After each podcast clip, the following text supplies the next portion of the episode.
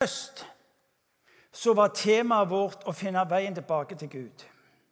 Eh, gjennom hele høsten hadde vi ett bestemt fokus. Eh, å, se hvordan Gud inviterer oss tilbake til seg. Det går på de som, eh, som aldri har hatt noe med Gud å gjøre, men som opplevde, og mange kom til tro gjennom høsten, fikk hjelp til å forstå at Gud elsker uansett. Samme søren, hvilken historie du har, hvor du befinner deg i livet. Eh, hva som er det du måtte ha med deg i din ryggsekk. Og finne veien tilbake. Men det gjaldt også oss som har fått lov til å leve med Jesus gjennom mange år. Også du og meg utfordres til tider til et type stoppe opp og spørre hvor er jeg henne? Hva er det jeg holder på med? Eh, jeg møtte en tidligere dag som sa Martin, jeg har, jeg har i mange år jeg har mange år vært på sånn en. Og nå plutselig så opplever jeg at Gud tar tak i meg. Og så, og så opplever jeg at jeg begynner på en ny type vandring. Vandring tilbake. Gud er ekspert på å begynne på nytt i mennesker og i menneskers sitt liv. Å finne veien tilbake. Det som vi nå den, de neste ukene har et fokus på, det er det som du ser på, på skjermen hele livet. Eh, det er ikke slik at kristenlivet defineres eh, på forskjellige plasser. Enten så er du en kristen der du er, eller så er du det ikke.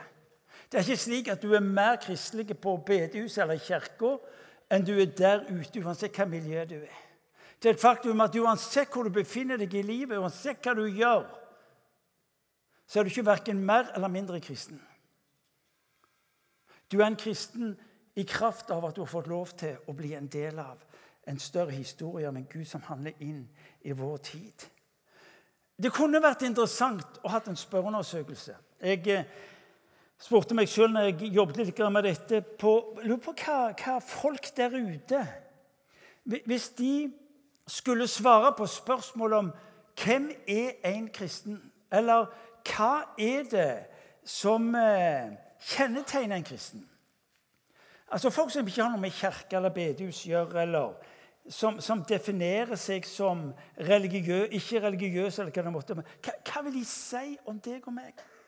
Hva vil de si om oss som er kristne?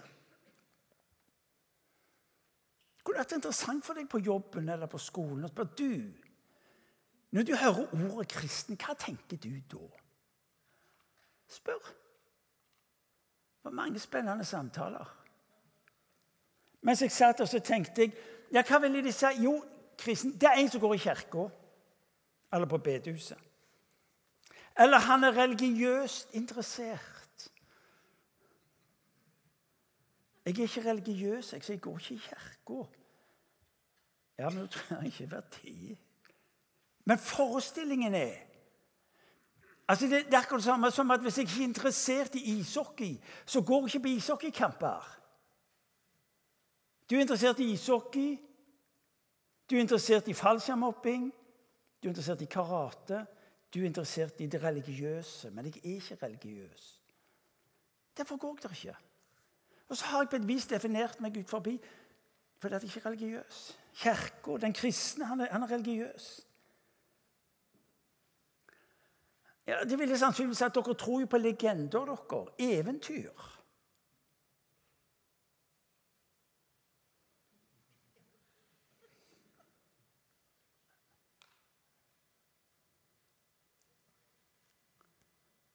Martin, du sa naboen til meg, du er jo rimelig oppegående. Det har jeg skjønt når jeg har snakket med deg.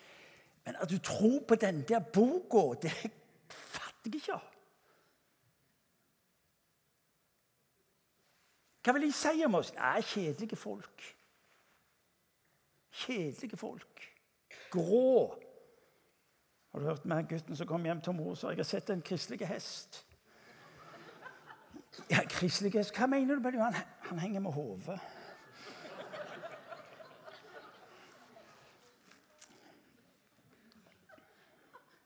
Hva er det de mener om oss? Utdatert. Det er mitt samle, mitt lille knippe av det jeg antar ut ifra samtaler jeg har hatt med folk. Vet du hva som er det tankevekkende? At mange kristne har det samme selvbildet.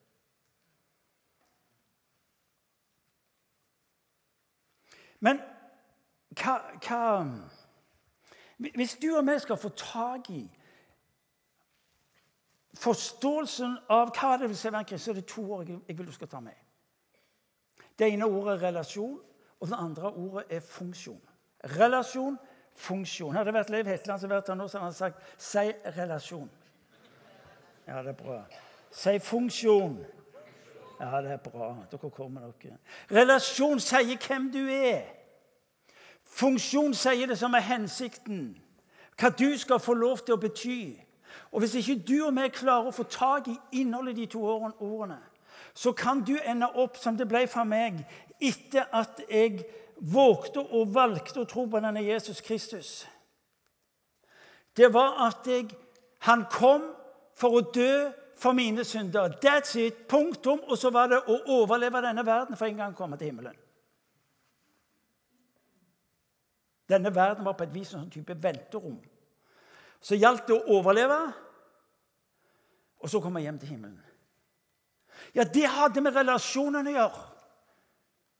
At jeg ble en del av. Jeg fikk del i det som Jesus gjorde. Men hør nå. Når Jesus dør på et kors for din og min skyld og gjør noe med synda, så er jo ikke det primære at han skal ta oppgjør med vår synd og vår dom. Men det er jo å gjenopprette det som en gang ble ødelagt. Får du tak i det? Jo, synda var problemet. Men det var ikke målet. En gang til. Det var problemet, men det var ikke målet. Når Jesus dør på kors. Det er fullbrakt! Hva er det som skjer? Forhenget i tempelet det revner. Til sides. Åpen vei inn til Guds himmel. Med alt det det innebærer å representere. Ikke engang der framme. Jo, det òg. Men det starter i det øyeblikket som Jesus Kristus dør på korset for deg og for meg. Ja, disse pinsevennene våre som altfor lavmælte. Hvem er det som er en kristen? Her skal du få tak i det. Den som har valgt å la seg omfavne av Gud. Vi har gjort det så komplisert og så krevende. I høst ble vi minnet på denne unge mannen som klarte å ødelegge mesteparten av det han hadde, det han hadde fått, og livet. Og så er han på vei hjem, forteller teksten om den bortkomne sønnen. Han er på vei hjem. Så er det to ting jeg vil du skal få tak i. Det ene det står at mens han ennå var langt borte, så så faren hans. Kristendom er ikke primært dom.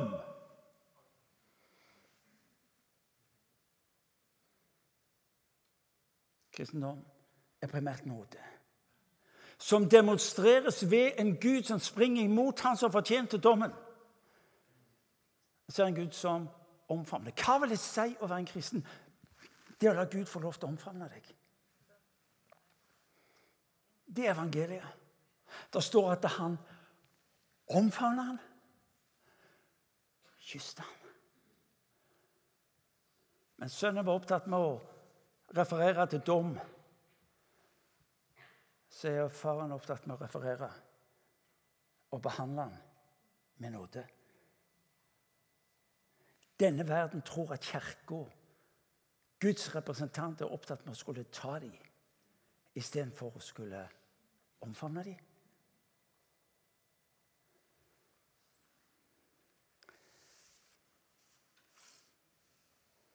Så enkelt. Kristendommen handler ikke om deg. Luther sier i, i kommentaren til Den hellige ånd i katekismen at det, det er ikke på, basert på egen fornuft eller kraft at jeg kan komme til tro. Men en Gud som har steget ned, og som omfavner. Helt siden syndefallet har denne verden lengta etter omfavnelse av en far. Og så vet de ikke hvor de skal finne ham. De vet ikke hvordan han ser ut. Det er han som oppsøker deg. Spørsmålet vil du la han omfavne deg. Og siden blir livet ditt å takke han for denne nåden. Ditt valg består i å la Gud få lov til å være Gud i ditt liv. Og har dere hørt meg si det mange ganger? Men det er jo så enkelt. Han ber om én ting. La meg få lov til å være Gud i livet ditt. Og så gjør han resten. Fordi det handler ikke om deg, men det handler om han. I enkelte miljøer er fokuset synd. Det er et faktum at når jeg var blitt en kristen, og mitt bilde av meg sjøl var synder, ga det meg ingen frimodighet til å våge å være et Kristusvitne. Fordi det var kontinuerlig ting i livet mitt som gjorde det vanskelig for meg med frimodighet å skulle fortelle noe om Jesus Kristus.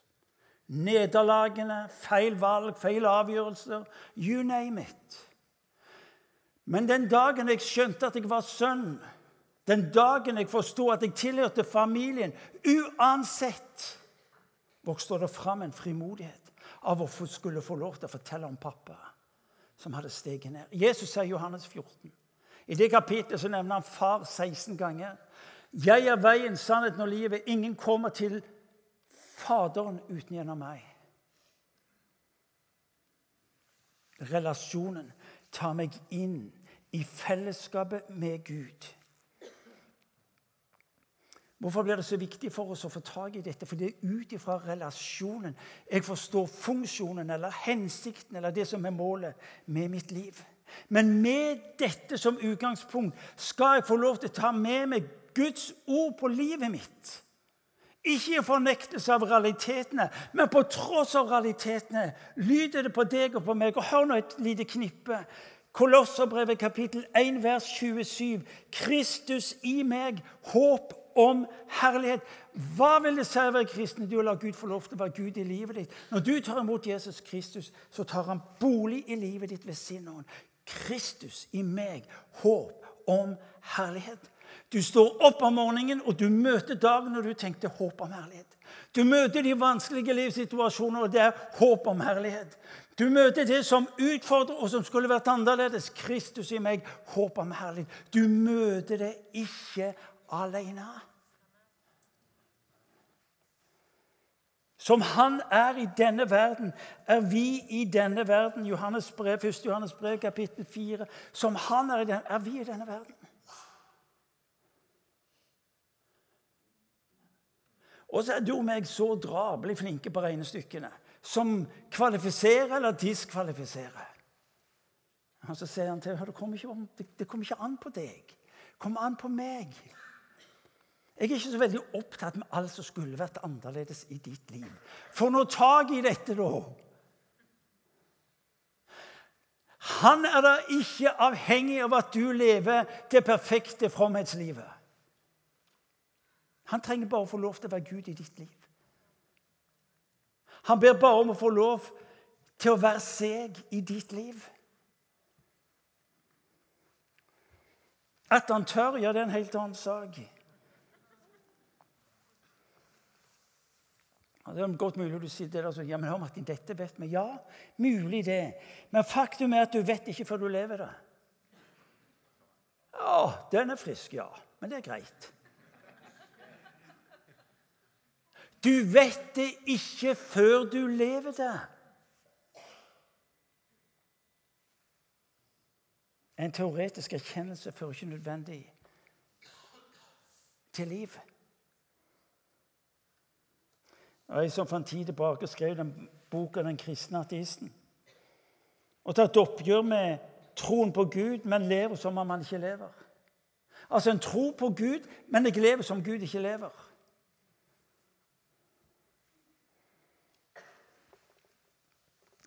Relasjon er ditt og mitt utgangspunkt for livet.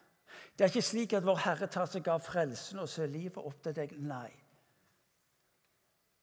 Men ut ifra relasjonen med han vokser det fram et liv som sprenger alle forestillinger som du og vi skulle få lov til å ha om hva som er mulig. Fordi vi har flytta fokuset fra oss sjøl til han som sier 'La meg få lov til å være Gud i livet ditt'. Relasjonen tar meg inn i funksjonen. Hva innebærer relasjonen med Gud? Den hellige ånd tar bolig i deg, sa jeg. Ja, det er riktig. Ja, hva er det? Hva betyr det? Hør. Hvis Den hellige ånd tar bolig i livet ditt, så er det den samme kraft som skapte verden. Det er den samme kraft som oppreiste Kristus fra de døde. Det er ved den samme kraft at Kristus helbreder mennesker og demonstrerer undertegn og mirakler som verden aldri har opplevd. Det er den samme person, det er den samme kraft, som har tatt bolig i deg. Og så lyder det 'forhold deg til det'. Det er egentlig det han ber oss om å gjøre. Jeg spør ikke til hva du har, hva du kan, hvor flink du er, men jeg spør kan jeg få lov til å være Gud i livet ditt. Guds rike er inni dere, sier Mesteren. Og det hender til tider jeg sier at du tør. Men for denne grunn dør han på korset. For denne grunn.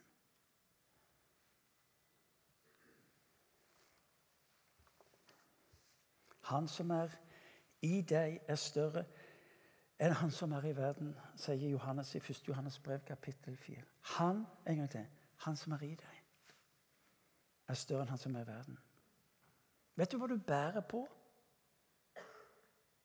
Ja, det er ikke lite med å nevne noe. Du er bærer av godhet. Ja, altså, du, du er bærer av godhet. Av det som sier vi Gud, du må gi meg mer godhet. Du trenger ikke be om å få mer godhet. Bare slipp det løs. Du er bærer av tilgivelse. Ja, jeg strever sånn med de folka og alt det der. Og så, Jesus, du må gi meg tilgivelse. Jeg kan tilgi. Ja, hvorfor skal du ha det?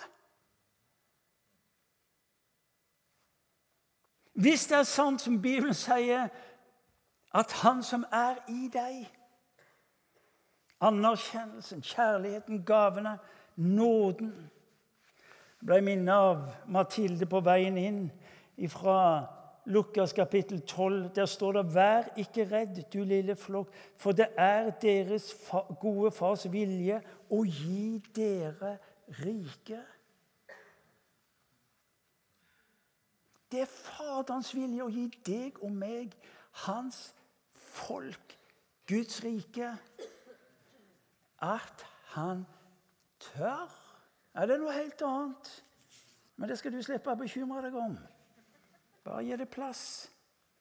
Det er ikke snakk om å gjøre det beste ut av livet, men å la livet få det beste. Mange år siden, Svært mange år siden så jeg en film som heter 'Slipp fangene løs'. Det er vår. Av det så tenker jeg det er tillatt. Slipp det løs. Kristenfolket har altfor ofte blitt kjent som termometere.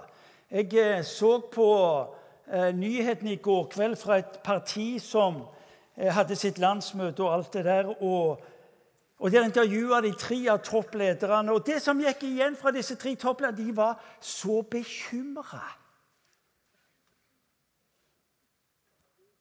For de hadde valgt feil mann på andre sida av dammen.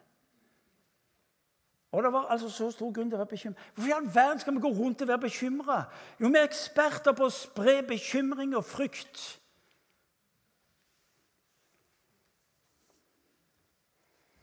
Å være termometer, det er ikke vanskelig.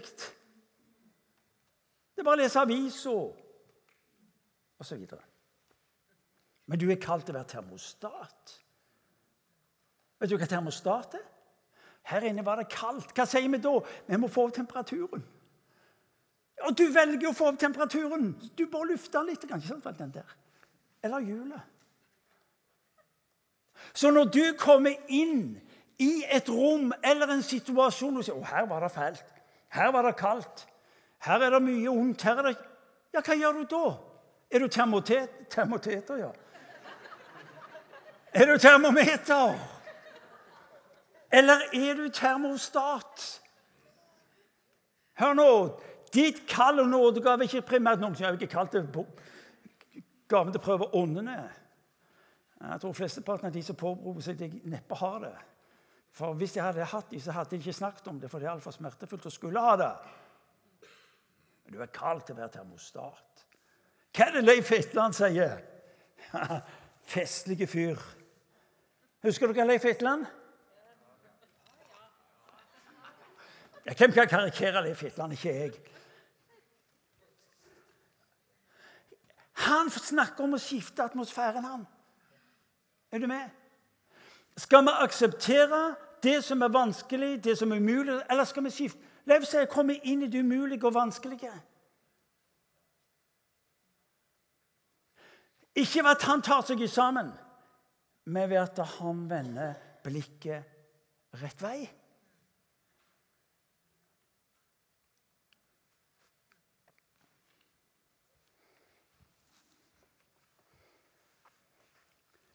Leif snakker om å se mennesker, se situasjonen fra himmelen.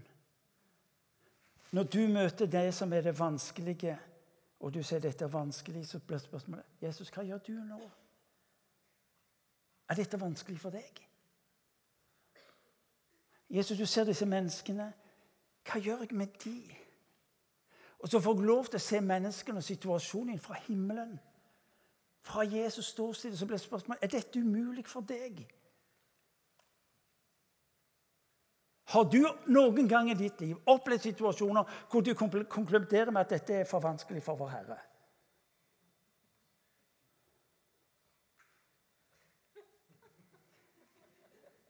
Det har hendt noen ganger at vi har trodd det for å hjelpe ham. Fordi vi ikke vågte å vente. Er dere med meg?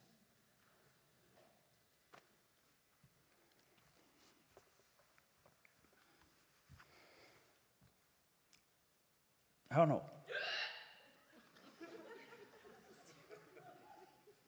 Jesus-etterfølgelsen er den kraftigste energisamling som et menneske kan oppleve. Det er nesten som en New Age. Var ikke det? Men kan du forestille deg den verden at allmaktens Gud, sier Martin, er tatt bolig i deg?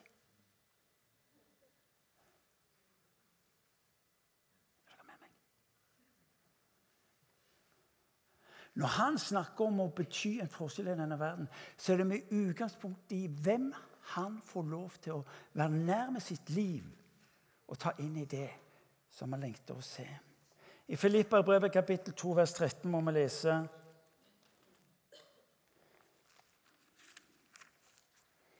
Filipperbrevet Det var de som bodde i Filippi. Og der sier Paulus fra vers 13. For det er Gud som er virksom i dere, så dere både vil og gjør det som er etter Guds gode vilje. Og står det litt lenger nede Dere stråler blant dem som stjerner på nattehimmelen. Hva er det han sier? For det er Gud som er virksom i dere. Enten så mener han det Jeg går ut ifra, for det var derfor han sa det. Hvis han ikke hadde sagt det, så det, hadde han heller ikke ment det.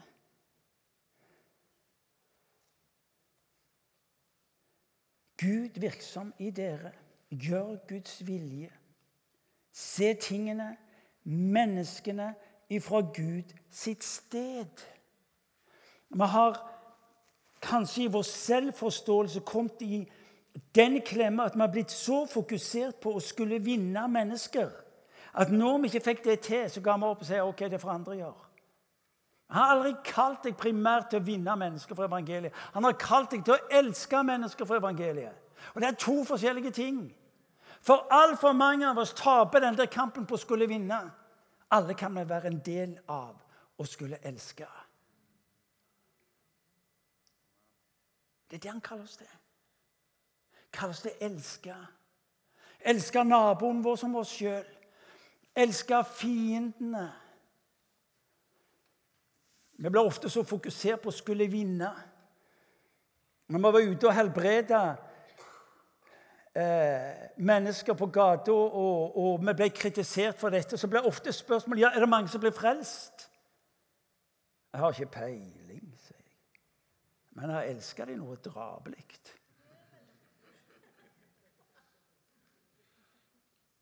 Når Frode og Einar Martin er ute med bussen og lyset i mørket Natt i dag fikk de be for folk. To tok imot evangeliet med bussen ned på tolv. La oss gi dem en skikkelig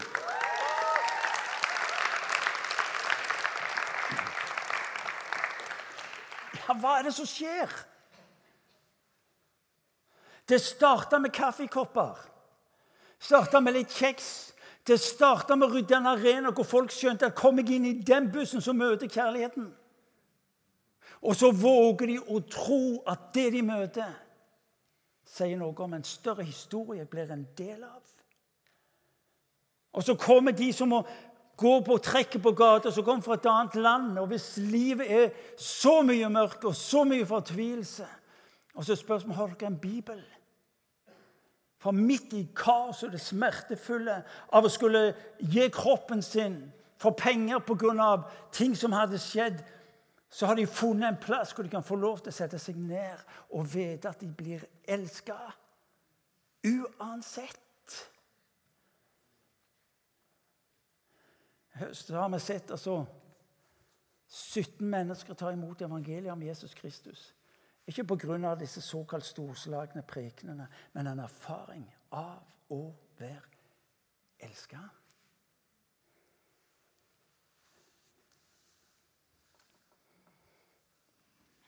Du må velge innflytelsen. Du må velge fordi at Gud har bedt deg om å gjøre én ting. Fordi han har gjort det som går forut for det. Hvis ikke du våger, er det mennesker som ikke blir berørt av Gud. Hvor mange, hvor mange av dere ønsker å se arbeidsplassen deres forandre? Da aner meg at dere alle som er her inne, for dere hadde sannsynligvis ikke vært der, om ikke dere ønsker det om å se nabolag, skole, familie. Hvor du skal få lov til å si om morgenen når du formiddag kommer på jobb, skal du si, 'Takk Gud fordi at jeg er på den arbeidsplassen.' For nå kan alt skje. Nå kan alt skje. Takk Gud fordi at jeg er her. Dere må begynne å forandre bekjennelsen. Nei, det er en vanskelig plass. Nei, det er ikke lett termometer. Takk Gud for at jeg er her. Hva gjør du, Gud, nå? Og så får jeg være med på det. Og så får jeg være med på det. Forstår du?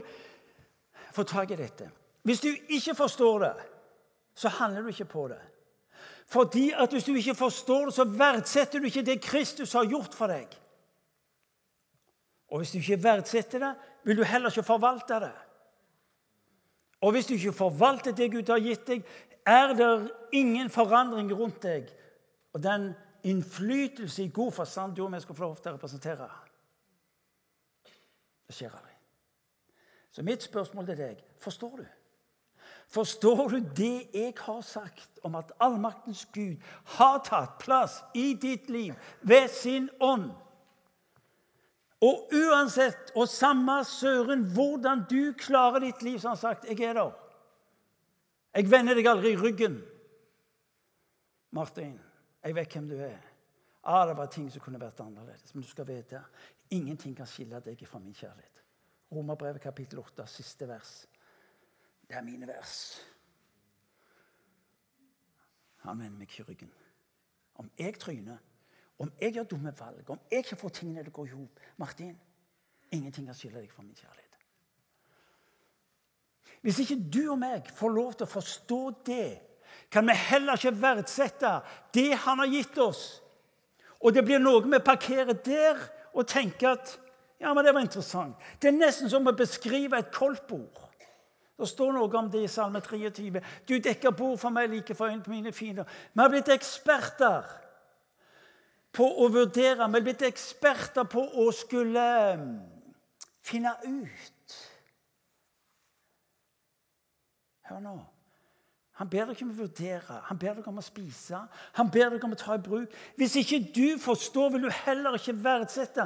Og det du ikke verdsetter, vil du heller ikke være i stand til å gi videre.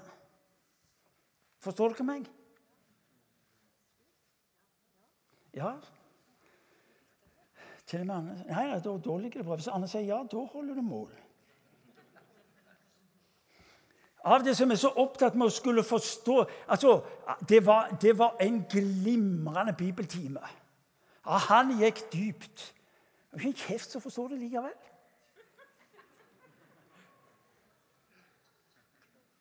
Dønn ærlig.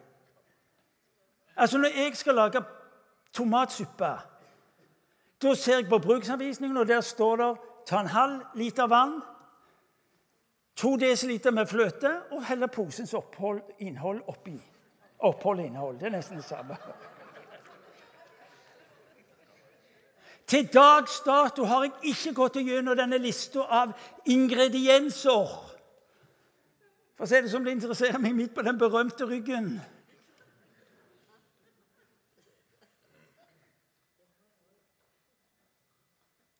Forstå betyr ikke å forstå alt til bunns. Forstå betyr ikke at nå har du oversikten på alt. Forstå betyr å forstå at han har tatt bolig i ditt liv. Hva det innebærer, I don't know. Men jeg tror det er ikke småtterier. For det han tar oss inn i. Tre konkrete ting jeg vil utfordre deg på. Profeti. Johannes evangeliet kapittel 2 4 leser du om Jesus som kom til en brønn hvor han møter ei dame. Hvis historien var rimelig frynsete, det er altfor mildt sagt. Hun var så i utakt med alt det det gode livet representerte. Men inn i den situasjonen, som først starter med vann, så, så, så, opererer de med, med, med sosiale statuser og rasisme. Du jøde, jeg er samaritan, og du snakker til meg. Så går det over til en teologisk debatt. Vi tilber der, og dere tilber der. Og så lyder det fra Jesus. Det profetiske ordet som gjør at damer skjønner hvem hun er, og hvem Gud har kalt henne til å være. At du går hjem til landsbyen. Konsekvensen av at landsbyen tar imot evangeliet. Du kan få lov til i din dag, fra mandag av, så kan du få lov til overfor kolleger, skole, studenter, naboer Gud, takk fordi at jeg er her. Hva er det du vil si til dem? Hva er det du vil si? Du skal slippe å konstruere. Du skal slippe å lese deg fram til et eller annet som kan passe. Hva er det du gir? Hva er det du gir? Og Hvis du vil lære mer om det profetiske hver tirsdag klokka seks til syv så har vi profetisk kurs. Gå på det! Og om du ikke velger det, så skal vi sørge for at du velger. Vet du hvorfor? Fordi at denne byen lengter etter å høre ord som gjør at de våger å tro på denne Gud som du og meg tror på. La det profetiske få lov til å bety en forskjell. Det andre er bønn. Kan jeg få lov til å be for deg? Naboen klager til Irene, han har så vondt i ryggen. sier jeg, 'Kan jeg få lov til å be for deg?' Det er jo verdens enkleste setning. 'Kan jeg få lov til å be for deg?' Ja, De tenker sikkert litt rart om deg, men det er jo ikke så farlig. Det går over. Det gjør jo det. Det går over. Har du tenkt på det? Du tror, rundt, du tror at de går rundt og tenker 'Han er igjen'. ikke Sånn en. Religiøs særing. Ja, det er du òg, men det er jo ikke så farlig, det. Det tredje anerkjenne. Anerkjenne ord. Er du klar over at du har ord av liv og død på de tunga? Takk fordi du har satt meg her, Jesus. Hva kan jeg få gi av ord som anerkjenner, som løfter opp? Som gjør at de som er rundt meg, vet du hva? Å, tenk, Jeg må få lov til å være i nærheten av han der eller hun der fordi at eh, jeg skal slippe å være redd.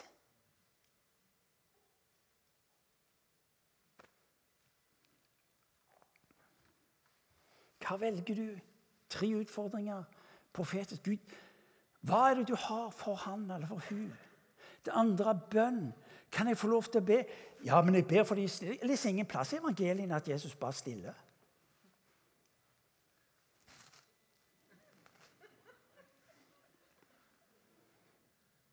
Det er på tide at hedningene rundt oss får høre hva bønn er.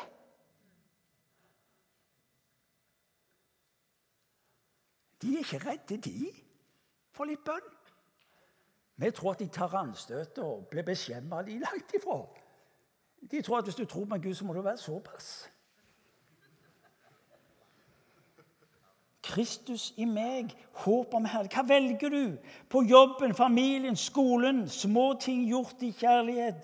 Forandre dine omgivelser. Kan jeg få be for deg? Kjøpte bil her for en tid tilbake. Og, og mens jeg står og snakker med han som skal lure på meg en fin bil, så, så jeg får lov til å be for han. Så kan jeg få lov til å be for deg. Bare en enkel bønn om Guds velsignelse, og at han skulle ha fremgang. og få oppleve at Gud var nær. Senere hørte jeg jo ryktene om han som skulle kjøpe bil, og endte opp med å be for bilselgeren. Så fikk han igjen tre kvart år senere. Så sier jeg, du, 'Hvordan går det med deg?' 'Nei, vet du, altså, Bilsalget går jo helt enormt', sier han. Men det var ikke så rart. Jeg sa, 'Du ba jo'. Jeg lurer på om vi skal innkassere provisjon Nei, altså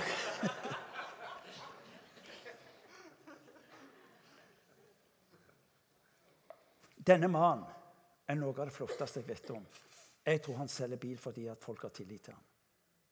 Men jeg så hva det betydde. Lå på sykehuset i Bangkok for halvannen uke siden. Svært alvorlig. Eh, jeg holdt på å stryke med. Og mens jeg er der, så kommer det inn en sykepleier. Jeg måtte være 24 timer til observasjon. Og Så mens jeg er der, kommer det inn en sykepleier. Hun snakket godt engelsk, så jeg spurte henne ja, hvordan trives du med å være sykepleier. da? Nei, jeg trives ikke. Ja, hvor lenge har du vært sykepleier? Jeg vært sykepleier i 15 år. Ja, hva, hva, drømmer du om da? Jeg har lyst til å bli interiørdesigner. Ja, men kan du ikke det, da? sier jeg. Nei, jeg var 37 år, blitt altfor gammel. Nei, sier jeg. Vet du hva? Begynn nå. Kan jeg få lov til å be for deg? Om at du skal få lov til å se disse drømmene. Dama var jo så forfjamsa. For hun yes. Så jeg tok henne i hånda. jeg. Ba til Jesus om at du skulle få lov til å erfare Hans nåde, Hans godhet, Hans gode planer for hennes liv. At du skulle få lov til å se drømmene hun hadde for sitt liv. Amen. Og så forsvant hun. Dagen etterpå når jeg skulle ut av sykehuset og gå gjennom der alle sykepleierne er, der står hun, og så ser hun meg, og så, så kunne jeg ikke la være. Så jeg ropte vet du, over hele avdelingen så sa jeg, 'Don't forget your dreams'. Don't forget your dreams. Er dere med meg? Jeg begynner å slutte.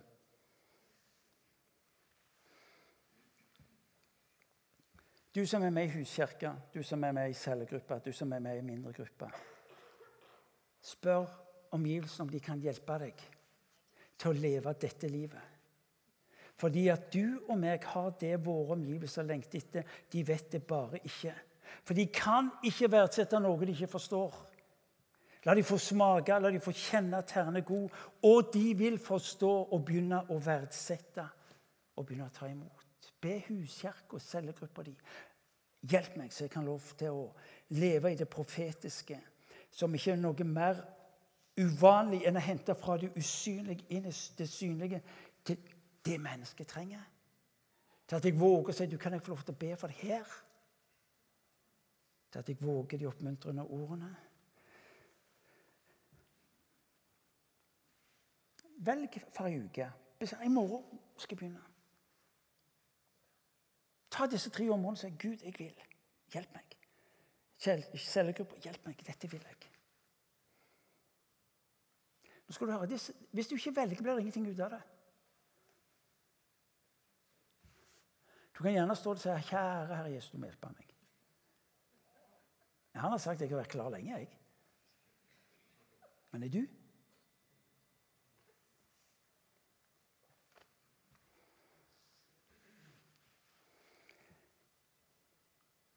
Det er altså 700 Imi-kirker i denne regionen. Imi-kirke er ikke primært dette huset. Imi-kirke er deg. De trenger ikke komme her for å erfare at Gud er god. Du er der jo. La folk få koble opp til Jesus ved ditt liv. Det skjer ved deg fordi du er bærer av godheten. Du er bærer av tilgivelsen, du er bærer av nåden og sannheten fordi den har tatt bolig i ditt og mitt liv.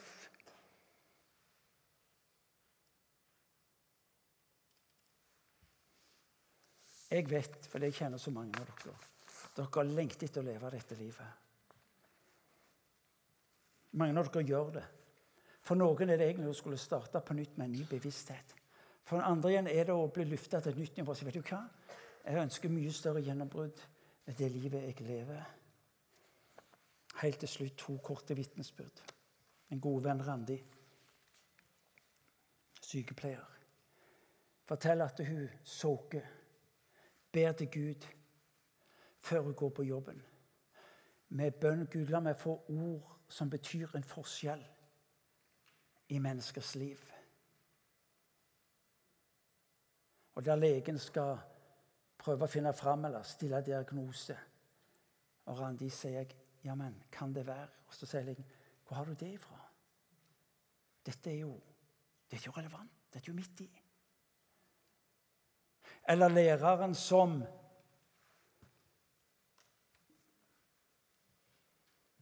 hver morgen kommer tidligere på jobben enn nødvendig for å gå i klasserommet fra pult til pult for å be for elevene. At Gud skal berøre dem. Gå til lærerrommet og ber om at du eh, skal få lov til å se et kollegium som lykkes med å gi ungene det beste. Som får lov til å bety en forskjell at du har valgt å være med på det Gud gjør, så konkret, så bevisst. Fordi hun har forstått betydningen av at evangeliet har kommet ned, tatt bolig i mennesker. At du vet å verdsette det på en slik en måte at du forvalter det til de menneskene som er rundt. Gode folk. Denne verden lengter etter det du og meg har. Gud har gitt oss det vi trenger for å se denne verden våge en vandring imot Han. Du skal slippe å begrense livet til bare et liv i en kirke eller bedehus eller et cellegruppe. Du skal få lov til å oppleve at der ute, mer enn noen annen plass, skal du få lov til å leve ut det denne verden lengter etter. Og aldri, aldri, aldri er det så fascinerende som når jeg får lov til å berøre mennesker med evangeliet der ute. Ikke alltid det ble sagt så mye om Jesus. Men jeg skal se deg spørsmålene de begynte å trille fordi at de opplevde noe som var annerledes, som var betingelsesløst. La oss